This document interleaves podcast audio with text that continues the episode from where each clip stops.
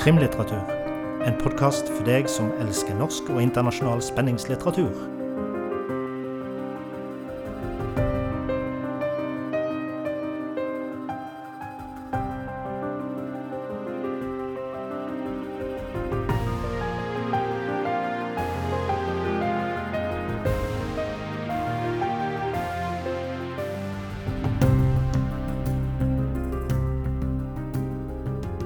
Velkommen til en ny episode av podkasten Krimlitteratur.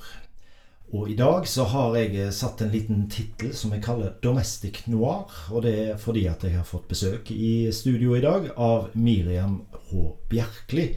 Som på mange måter har blitt en slags nestor for akkurat den subsjangeren eh, innenfor krimlitteratur i Norge i dag. Miriam, velkommen til oss. Kjekt at du ville ta turen. Tusen takk for at jeg fikk lov å komme.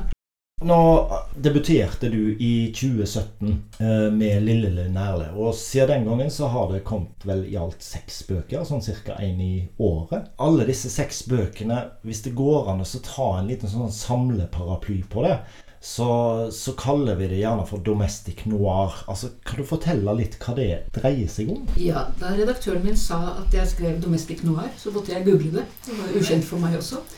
Men jeg har kommet fram til at det er eh, krim uhygge på hjemmebane. er en ganske grei beskrivelse, norsk beskrivelse av det. Det er krim som skjer eh, der hvor vi skal være tryggest eh, i det livet vi vanligvis lever. Er det noen spesiell grunn til at akkurat dette engasjerer deg? Altså at du skal såpass nært inn på familien, innenfor husets fire vegger, og den uhyggen som skjer der? Er det noe som gjør at du er spesielt engasjert i akkurat det? Jeg er jo nyhetsnarkoman på et vis. Man leser jo om veldig mange saker som kunne blitt den type krimbøker nesten hver eneste uke. Og jeg syns det er spennende å grave i. Det er de stedene, altså Vi kvinner burde jo være tryggest hjemme. Det er der man liksom skal kunne finne tryggheten og slappe av og, og ha det godt. Men isteden, for veldig mange, så er jo det det farligste stedet man kan være. Og det syns jeg er eh, ja, spennende å skrive om. Det fins veldig veldig mange historier man kunne skrive om det. Så vil vel kanskje en del eh, tenke seg så at det kanskje ikke er det smarteste salgstrikset å, å skrive om eh, vold i nære relasjoner og det som eh, skjer innenfor husets fire vegger? Taktisk sett så tror jeg det ikke er det. For det er jo sånt man kanskje helst ikke har lyst til å tenke så mye på, vite så mye om. Eh, og spesielt hvis det går over til barn, eh, ikke bare voksne kvinner, så er det mange som tenker at nei, vet du hva, det her orker jeg egentlig ikke å høre om. Eh, og jeg tenker at nettopp derfor er det ekstra viktig å skrive om det. Vi trenger å vite det, for hvis ikke vi tror på det, så oppdager vi det heller ikke når det skjer. Noen kaller det for feministisk krim. Eh, er det et begrep som du føler deg vel med, eller føler du at det blir helt feil? Jeg tenker nok at det er feil. Eh, ja, de fleste, altså i virkeligheten og i bøkene mine, så er nok de fleste kvinnene ofre. Og mennene ofte de som gjør det. Men i bøkene mine har jeg også slemme kvinner, og kvinner som ikke oppfører seg sånn som de skal. Eh, men det er klart, både som i virkeligheten og i bøkene er det jo menn som mest uh, står for grove overgrep, drap, på særlig kanskje kjærestene sine, ekskjærestene sine. Så er, jeg tenker det speiler virkeligheten. Jeg tenker egentlig at det ikke er noe feministisk prosjekt. Vi får jo et inntrykk av at dette er et stort problem, men, men hvor stort problem er domestic violence, altså vold i nære relasjoner, i Norge i dag? Vet du noe om det? Fra år 2000 så er det over 200 kvinner i Norge som er drept av tidligere partner eller nåværende partner. Eh, så problemet er kjempestort, eh, tenker jeg. Det er helt egentlig unødvendige drap. Det er drap hvor i hovedsak en mann da dreper en kvinne som han ofte sier at han elsker. Kanskje faktisk også elsker. Men så skjer det noe, spesielt når kvinnen skal gå. Det er det farligste som en kvinne kan gjøre. Det er å gå fra en voldelig mann. Så ja, jeg tenker at det er et stort problem også i Norge. Eh, men jeg har ikke gravd noe særlig politirapporter. Det her går veldig mye fra aviser, fra historier man hører om, fra eget liv og andres liv. Syns du politiet tar denne problematikken nok på alvor? Og ikke bare politiet, men presse, omgivelsene, altså opinionen? Jeg syns kanskje det har skjedd noe. VG har jo hatt en lang serie om det, hvor de, har satt ansikt på alle disse kvinnene. Jeg syns det har hjulpet. Før så kalte man det ofte familietragedie. Hvis en mann hadde drept eh, kone og barn. Det uttrykket hører man ikke så veldig mye lenger. Det er et drap er et drap. Altså at man kan tenke seg, at man kan forstå grunnene. Altså frykten for å bli sviktet, eh, grusom sjalusi og sånn. Men, men, det er jo ingen fors ikke noe forsvar for å drepe noen. Så jeg, jeg syns det er blitt bedre. Jeg synes ikke det er så Jeg tror det blir tatt alvorligere nå enn det gjorde.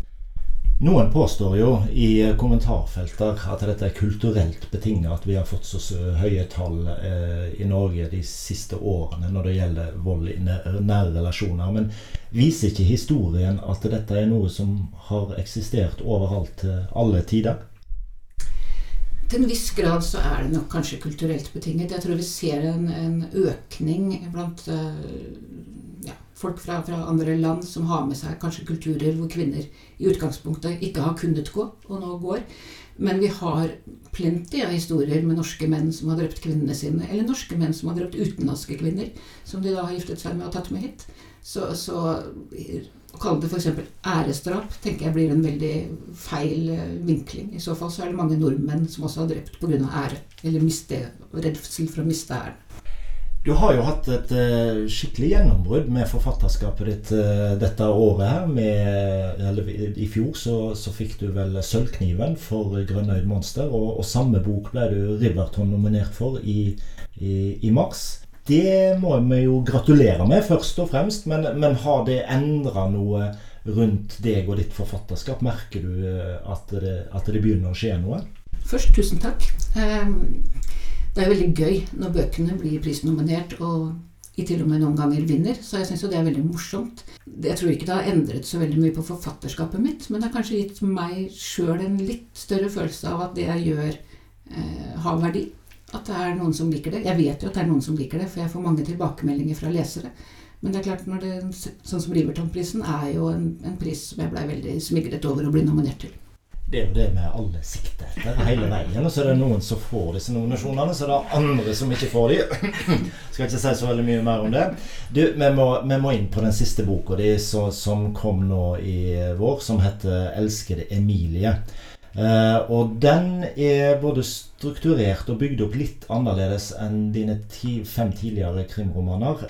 Samtidig som tematikken nok òg eh, befinner seg innenfor domestic noir-sjangeren. Eh, kan du fortelle litt om handlingen i eh, 'Elskede Emilie'? I 'Elskede Emilie' så møter vi lille Emilie.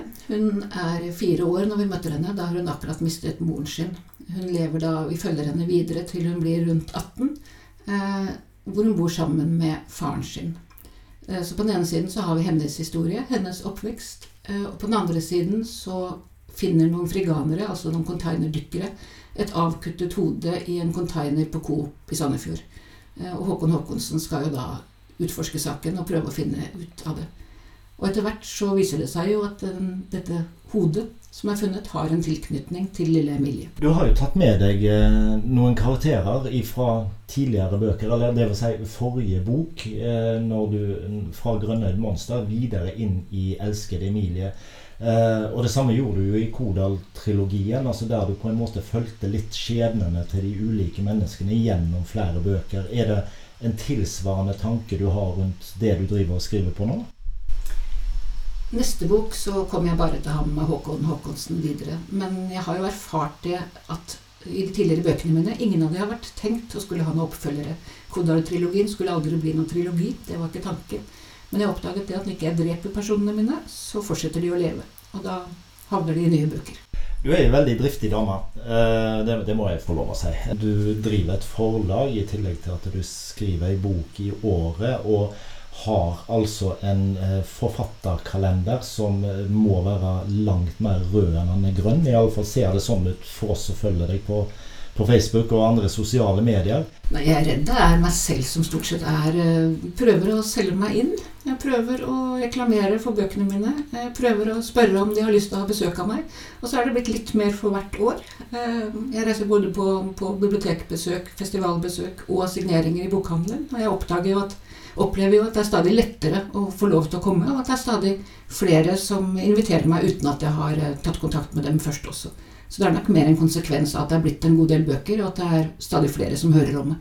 Nå har eh, du allerede røpt for så vidt at du er i gang med enda ei bok som eh, er planlagt eh, utgitt en gang på våren, hvis det alt går etter planen.